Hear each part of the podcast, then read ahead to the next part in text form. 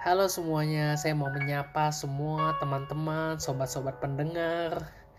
Saya percaya keadaan saudara pasti baik-baik saja dan luar biasa. Biar ini menjadi kehidupan kita, memiliki kehidupan yang luar biasa selama masa-masa seperti ini ya. Saya mau sedikit sharing apa yang menjadi kegalauan hati saya beberapa waktu lamanya ini selama beberapa waktu lamanya ada mungkin sekitar seminggu dua minggu ini ya ada orang yang mulai chatting saya dan DM saya di Instagram atau WA saya tanya hmm, gimana keadaanmu bro selama dua bulan ini? Kan udah nggak ibadah kayak gitulah kurang lebih. Pasti keadaan rohani pasti turun dong saya aja nih ngerasa uh, kayaknya aduh nggak on fire lah sama Tuhan. Rohani turun banget rasanya.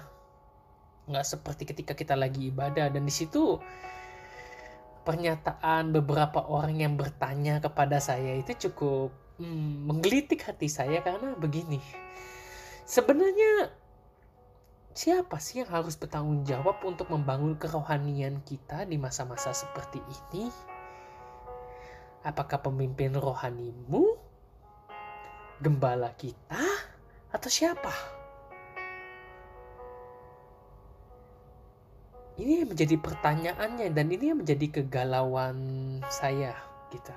Sebenarnya siapa yang harus bertanggung jawab untuk membangunnya? Nah sebab itu saya mau membagikan sedikit apa yang menjadi perenungan saya. Kalau kita buka di 1 Korintus 3 ayat 10. Nanti kita baca. Dikatakan seperti ini, sesuai dengan kasih karunia Allah yang dianugerahkan kepadaku.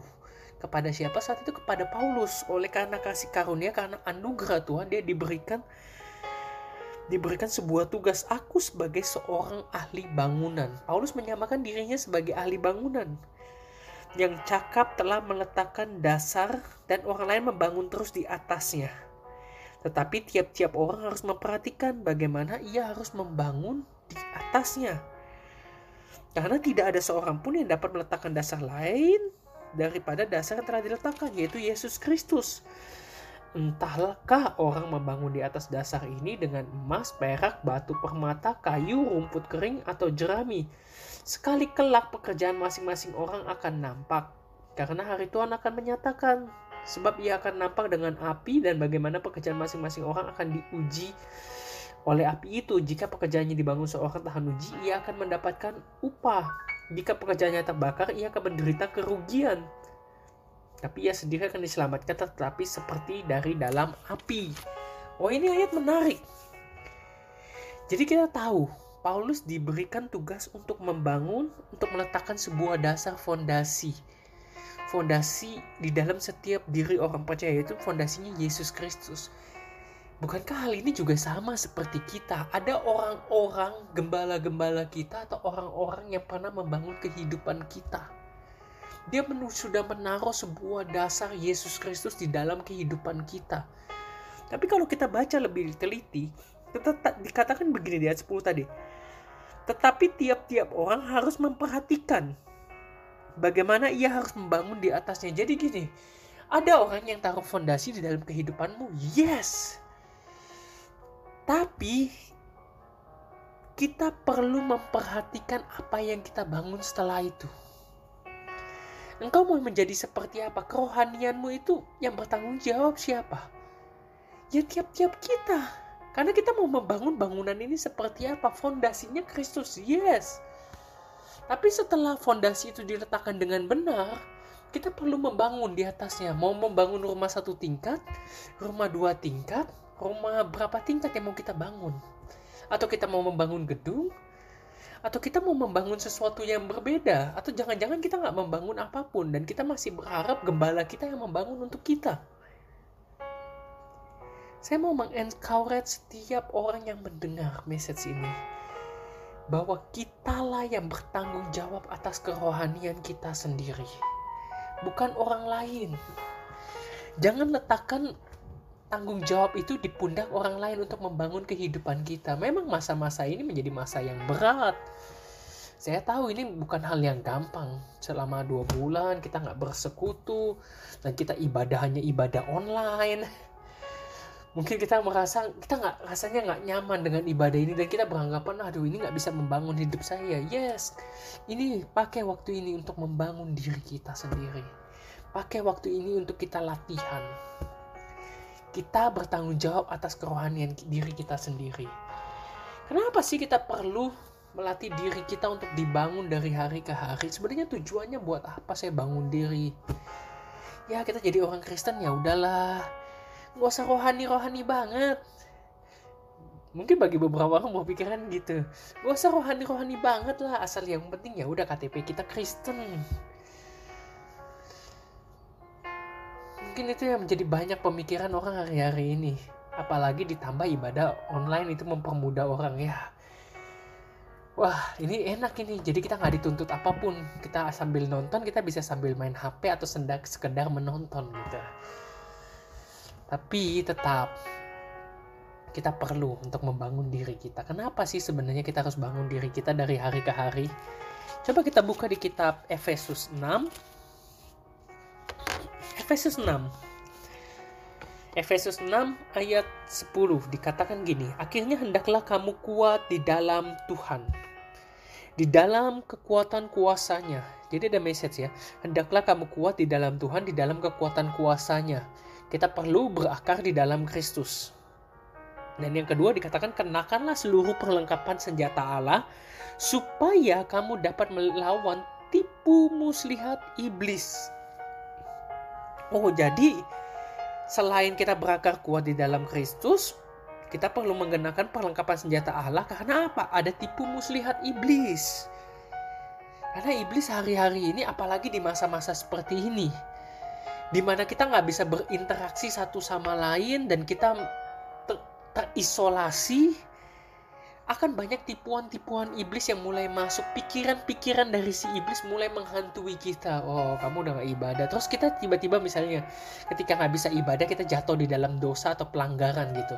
Pasti pikiran akan ada pikiran-pikiran yang mulai muncul. Iya kamu nggak layak di hadapan Tuhan.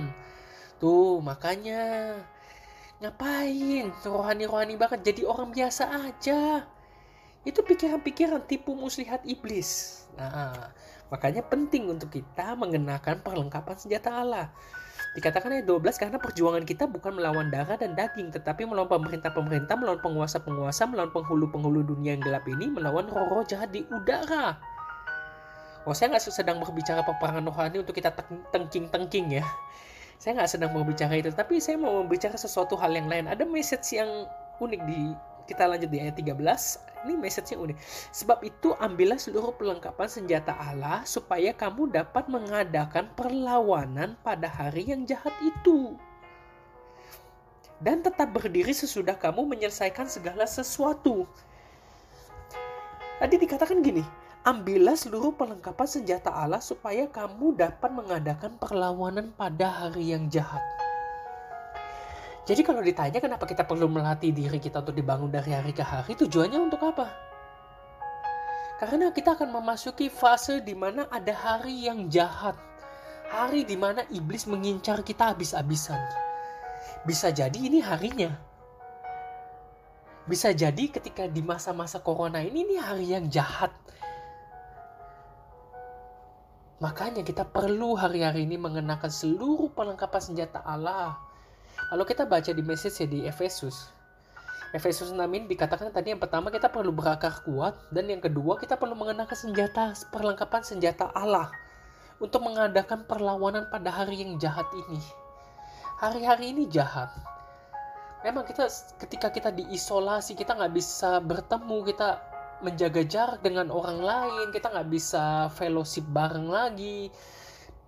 Ini begitu sulit untuk kita membangun orang karena kita membangun orang bisa hanya bisa secara online. Tapi di hari-hari ini ketika orang sedang sendirian banyak pikiran-pikiran tipu muslihat iblis yang dilancarkan. Oleh sebab itu ayo semuanya kita mulai hari ini kita gunakan perlengkapan senjata Allah Dan kalau kita sudah melewati masa-masa corona ini dikatakan gini, dan tetap berdiri sesudah kamu menyelesaikan segala sesuatu. Jadi ke, kamu keluar dalam keadaan menang dalam corona ini tidak dalam keadaan babak belur, tapi kamu tetap berdiri karena kamu sudah mengenakan seluruh senjata Allah. Jangan sampai kita keluar dari pertempuran ini dengan keadaan terseok-seok dan hampir mati. Itu nggak bagus. Tapi biar keadaan kita itu benar-benar dalam keadaan yang tetap berdiri saya lanjutkan lagi.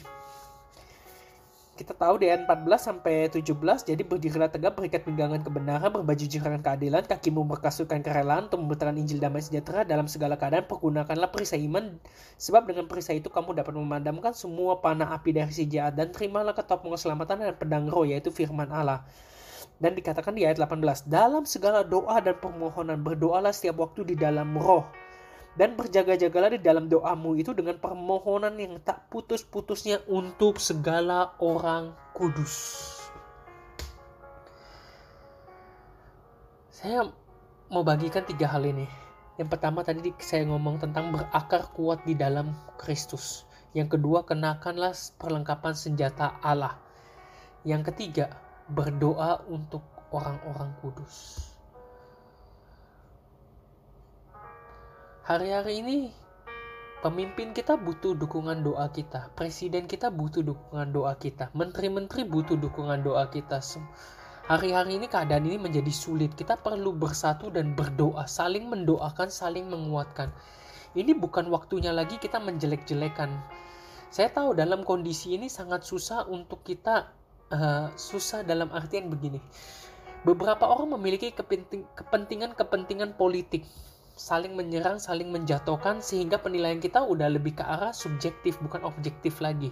Kita udah menilai orangnya apa pun yang orang itu lakukan itu menjadi sesuatu yang jelek.